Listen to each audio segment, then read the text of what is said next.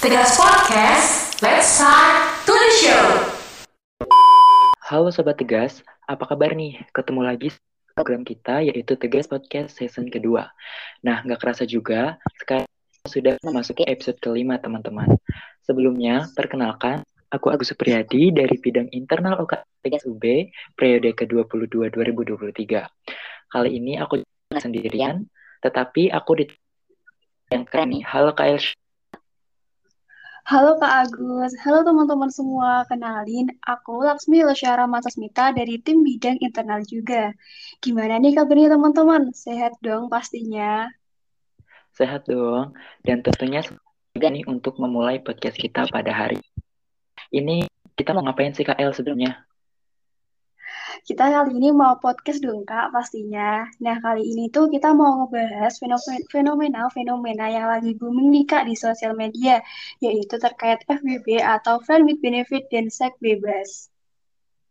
Wah bener banget tuh Kak El. Seperti yang kita tahu juga kan dampak-dampak yang ditimbulkan dari seks bebas itu kan uh, sangat merugikan ya. Tidak hanya untuk diri sendiri, tetapi juga untuk orang-orang yang di sekitar kita. Nah, benar banget tuh Kak, apalagi sekarang ini banyak banget mahasiswa yang terseret kasus tersebut. Tapi ngomong-ngomong nih Kak, kita bahas ini berdua aja nih. Tentunya enggak dong. Kali ini kita punya teman nih. Beliau adalah salah satu dari DPO UKM Tegas UB dan tanpa mengulur waktu dan berlama-lama lagi, mari bergabung bersama kami Mbak Sinta Widya Kusamasari selaku narasumber kita pada podcast kali ini. Halo Mbak Sinta, gimana nih kabarnya hari ini? Halo teman-teman, uh, kabarku baik. Kalau kabarnya Agus sama Elsa gimana? Alhamdulillah baik Mbak. Iya Mbak, Alhamdulillah baik. Dan senang banget nih dengarnya kalau Mbak Sinta dalam keadaan yang baik-baik aja. Ngomong-ngomong nih Mbak, kan ini udah mulai kuliah offline ya. Gimana nih Mbak kuliahnya? Alhamdulillah lancar. Lagi pusing skripsi aja karena semester tua kan udah semester tua juga gitu Iya, semoga dilancarkan ya Mbak menyusun skripsinya. Amin, amin.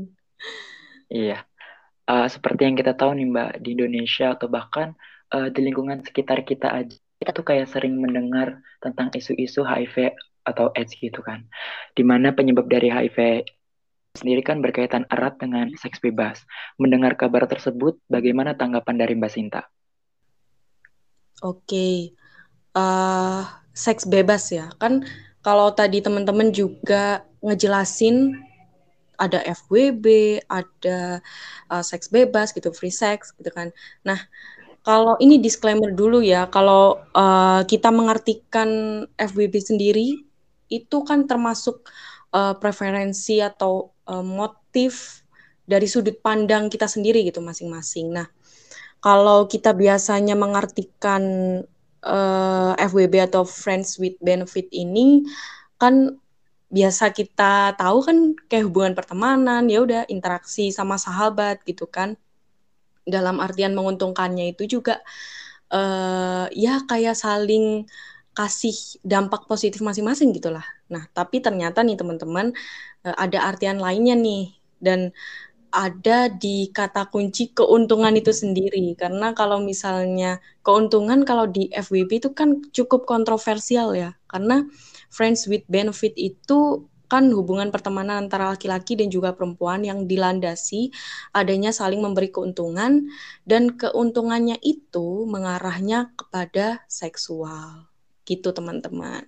Oke dan oh ya uh, kalau misalnya FWB itu tadi atau free sex kan tentu bergonta-ganti pasangan ya. Jadi uh, pria dan juga wanita yang juga terlibat dalam uh, hubungan ini tuh tujuannya hanya untuk mendapatkan kesenangan tanpa ikatan kan pastinya. Lalu untuk hubungan yang didasarkan pada seksual tentu uh, sering kali menghindari perasaan atau ikatan emosional gitu. Iya bener banget. Nah, sendiri nih, apa aja sih faktor-faktor yang bisa menyebabkan uh, seseorang itu bisa terjerumus dengan hubungan seks bebas itu? Oke, mungkin kalau faktor-faktor ya yang paling mendasar banget. Kalau teman-teman tahu kan kalau uh, adanya bahaya free sex itu kita harus tahu tuh faktor uh, atau kita tuh harus tahu mendasar yang namanya uh, sex education, edukasi bagi kita sendiri gitu kan. Karena kalau misalnya kita lihat atau kita temui di masyarakat awam tuh pasti free sex atau uh, apa sex education tuh kayak tabu gitu kan. Tapi harusnya kan penting gitu. Nah, lalu untuk yang kedua itu lingkungan. Lingkungannya seperti apa? Lalu lingkungan kan karena bisa membentuk kepribadian seseorang kan gitu. Lalu pergaulan bebas, kita juga berhak memilih teman loh karena seperti apa dampaknya ke kita seperti apa gitu. Jadi kalau kita sekarang sudah remaja atau sudah dewasa pasti kan tahu mana yang baik, mana yang enggak. Terus uh, faktornya mungkin lagi yang terakhir ada uh, tidak memikirkan dampaknya ke depan seperti apa gitu ya orang-orang yang melakukan uh, seks bebas atau bisa terjerumus itu ya karena mereka udah terlanjur terjerumus terus karena tidak memikirkan dampak ke depannya seperti apa jadi kan bisa mempengaruhi dampaknya lebih besar lagi kayak ke fisik atau ke mentalnya gitu. Nah, tuh Sobat Tegas, dan sepatutnya kita bisa mengetahui nih apa saja faktor-faktor dari seks bebas itu sendiri. Sehingga kita bisa mungkin menghindari ya faktor-faktor tersebut. Dan dalam suatu perbuatan pasti ada dampak dan Mbak Sinta tadi juga sempat menyinggung nih dampak uh, dampak ke depannya. Dan mungkin menurut Mbak itu apa sih Mbak dampaknya yang ter, uh, yang bisa timbul akibat dari seks bebas itu sendiri biar sobat-sobat tegas di rumah ini bisa tahu nih dampaknya. Oke, dampaknya ya. Kalau dampaknya tuh uh, seks bebas sendiri tuh uh, karena biasanya bergonta-ganti pasangan berarti kan hubungan sementara gitu ya, teman-teman. Yang artinya tentu bisa membuang-buang waktu kita. Mending diisi dengan hal yang positif ya kan, bener kan? Ya nggak bener nggak Agus sama Elsa? Iya, Betul banget itu Mbak. Kalau misalnya kita lihat dari sisi emosionalnya, karena cenderung kalau seks bebas itu nggak ada komitmen gitu kan antar hubungan terus nggak ada kejelasan dari masing-masing bisa aja salah satunya itu atau keduanya pun nggak kuat untuk menanggung resiko resikonya. Jadi kemudian pada akhirnya mereka ada yang mengalami stres lalu mengalami depresi gitu. Dan sebab karena bergonta-ganti pasangan itu tentunya bisa menimbulkan penyakit menular seksual Lalu ada resiko yang lebih tinggi ternyata teman-teman. Ada kehamilan. Lalu kan e, kalau misalnya kehamilan ini kan karena tidak didasari perasaan atau komitmen yang itu tadi ya.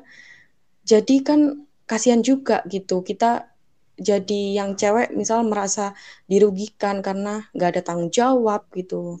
Lalu akhirnya aborsi. Nah, itu kan yang sangat uh, resiko yang sangat tinggi gitu. Lalu setelah itu uh, ada akibat atau dampak yang sangat uh, ini ya yang kita bahas terakhir ini trauma. Lebih ke trauma sama uh, korbannya. Ya antara kedua belah pihak bisa siapa aja entah itu ceweknya atau cowoknya bisa mengalami trauma bisa jadi karena uh, adanya stres dan depresi itu tadi gitu teman-teman. Waduh, ternyata banyak juga yang Mbak dampak yang diakibatkan dari seks bebas ini. Dan tentunya masing-masing dampak itu kan berbahaya. Oke Mbak, nih selain itu menurut Mbak, apakah seks bebas ini juga memiliki pengaruh yang berat bagi kesehatan fisik dan juga mental? Oke, untuk uh, um, untuk kesehatan ya. Nah tentu karena kan uh, kesehatan fisik dan juga mental itu menyerang korbannya gitu karena uh, kalau misalnya free sex ini kan uh, cenderung kayak dibayang-bayangi sama hubungan yang uh, tidak terikat gitu. Tentu pastinya ada pergolakan batin, emosional gitu kan. Jadi terbayang sama hubungan yang juga nggak pasti gitu. Terus mempengaruhi bukan hanya ke fisik aja, tapi juga ke mental. Lalu kalau misalnya uh, bahayanya ini sendiri tentu untuk uh, apa menimbulkan HIV AIDS gitu, bahaya HIV AIDS lalu uh, dan penyakit menular lainnya. Dan bukan hanya kalau misalnya itu menyerang kesehatan fisik gitu ya. Kalau ke mental sendiri yaitu tadi kayak trauma, terus depresi kan stres kayak gitu, teman-teman. Wah, bener banget ya Mbak. Dampak dari hubungan seks bebas itu uh, ternyata juga bisa berpengaruh terhadap mental, fisik, psikis dari korban itu sendiri ya Mbak. Nah, Mbak, kan biasanya orang-orang melakukan hubungan uh, seks bebas itu kan biasanya bergonta-ganti pasangan ya Mbak, tidak hanya dalam satu orang gitu. Berapa besar sih Mbak potensi tertularnya HIV/AIDS menurut Mbak? Oke, Pasti resikonya itu kan tinggi ya, karena itu tadi free sex kan bergonta-ganti pasangan. Jadi kita tidak tahu sebelumnya kayak pasangan berhubungan dengan siapa, sudah dengan siapa saja gitu kan. Tentu tentu berisiko tinggi karena uh, tertular yang namanya HIV AIDS itu tadi terus sangat merugikan keduanya di masa depan. Mungkin tidak hanya HIV AIDS ya, ada penyakit menular seksual yang lain, ada herpes, lalu gonore gitu. Iya ya Mbak, berarti emang free sex ini seberbahaya itu jika kita iya. sudah terjerumus ke dalamnya. Oke nih Mbak, tetapi kan Mbak, sekarang itu udah marak nih alat perlindungan seperti pemakaian alat kontrasepsi. Nah, menurut Mbak ini apakah free sex bahaya jika kita menggunakan alat kontrasepsi pada saat melakukan hubungan itu atau sebaliknya atau tidak? Oke, Nah, ini pertanyaan yang menarik ya, karena kan biasanya teman-teman tuh tahu kan untuk menghindari HIV/AIDS, jadi uh, seks tuh harus menggunakan pengaman kayak gitu. Jadi teman-teman, jadi dari free sex atau seks bebas itu sendiri aja kita udah tahu kalau itu udah bahaya, ya nggak? Ya kan? Iya betul. Mm-mm. Dengan melakukan hal yang seperti itu tentu resikonya tinggi sekali yang udah aku sebutin tadi. Jadi harus siap dengan konsekuensi yang ditimbulkan. Jadi tidak menutup kemungkinan kalau menggunakan pengaman, ya kan alat kontrasepsi itu tadi uh, tidak menutup kemungkinan juga terjadi kehamilan gitu. Apalagi jika dilakukan uh, berkali-kali atau dilakukan uh, aktivitas seksualnya itu ya berbeda-beda gitu bergonta-ganti pasangan. Bukan hanya bahaya tentu bahaya banget. Jadi bisa menimbulkan juga penyakit menular seksual tadi yang aku sebutkan gitu. Wah, memang segala hal dalam pergaulan bebas itu tidak ada yang tidak berbahaya ini sobat tegas. Dan walaupun kita telah memakai alat pengaman pun kita tidak tahu nih resikonya itu seperti apa. Dan untuk itu sebisa mungkin kita menjauhi pergaulan bebas itu sendiri karena itu sangat merugikan nih bagi diri kita sendiri maupun bagi orang-orang sekitar kita seperti keluarga, teman, dan lain-lainnya.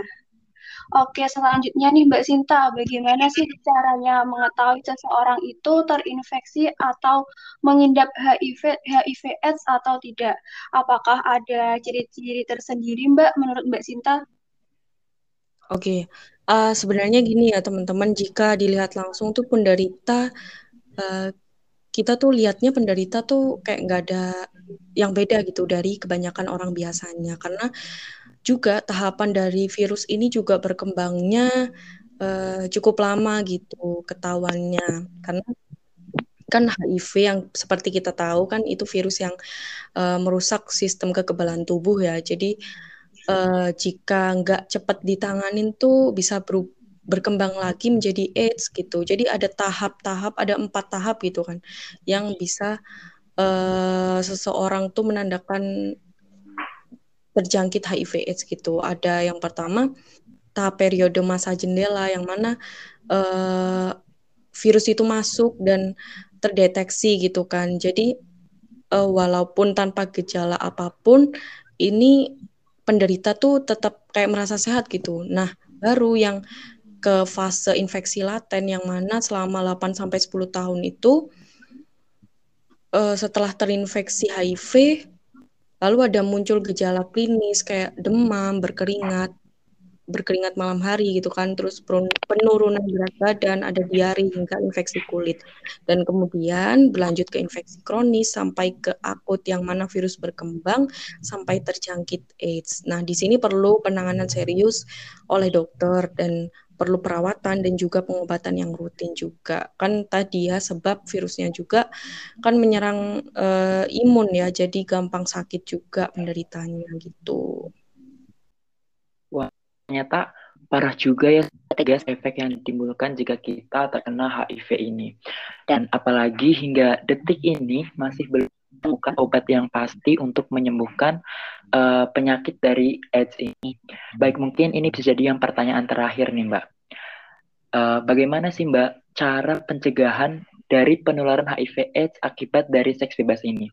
Dan kita, khususnya sebagai remaja, apa saja upaya yang bisa kita lakukan untuk bisa menekan angka penyebaran HIV AIDS, khususnya di Indonesia?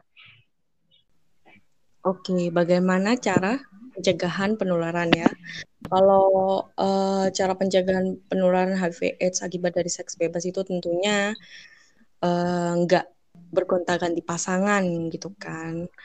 Uh, lalu menggunakan pengaman yang kontrasepsi itu tadi dan menghindari narkoba dan juga nafsa. Nafsa sama narkoba ini juga uh, ini loh menyebabkan HIV/AIDS juga loh teman-teman. Terus uh, untuk kita menghindari gitu ya, kayak seumuran kita nih, biar nggak terjerumus seks bebas gitu kan.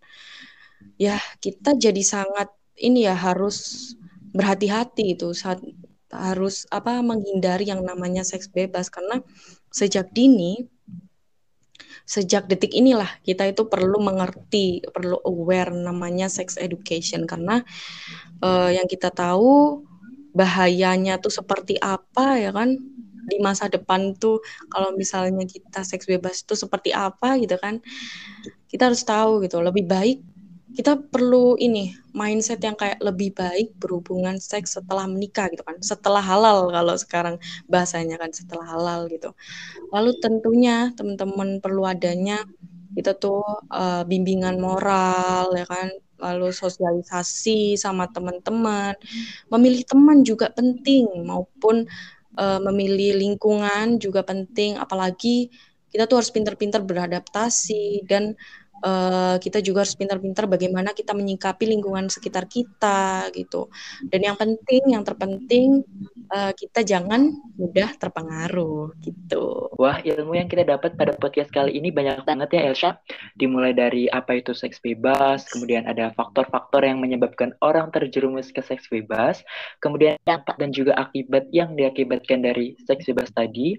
Disinggung juga tentang apa itu FVB atau Friend with Benefit dan juga cara pencegahan dari penyebaran HIV/AIDS.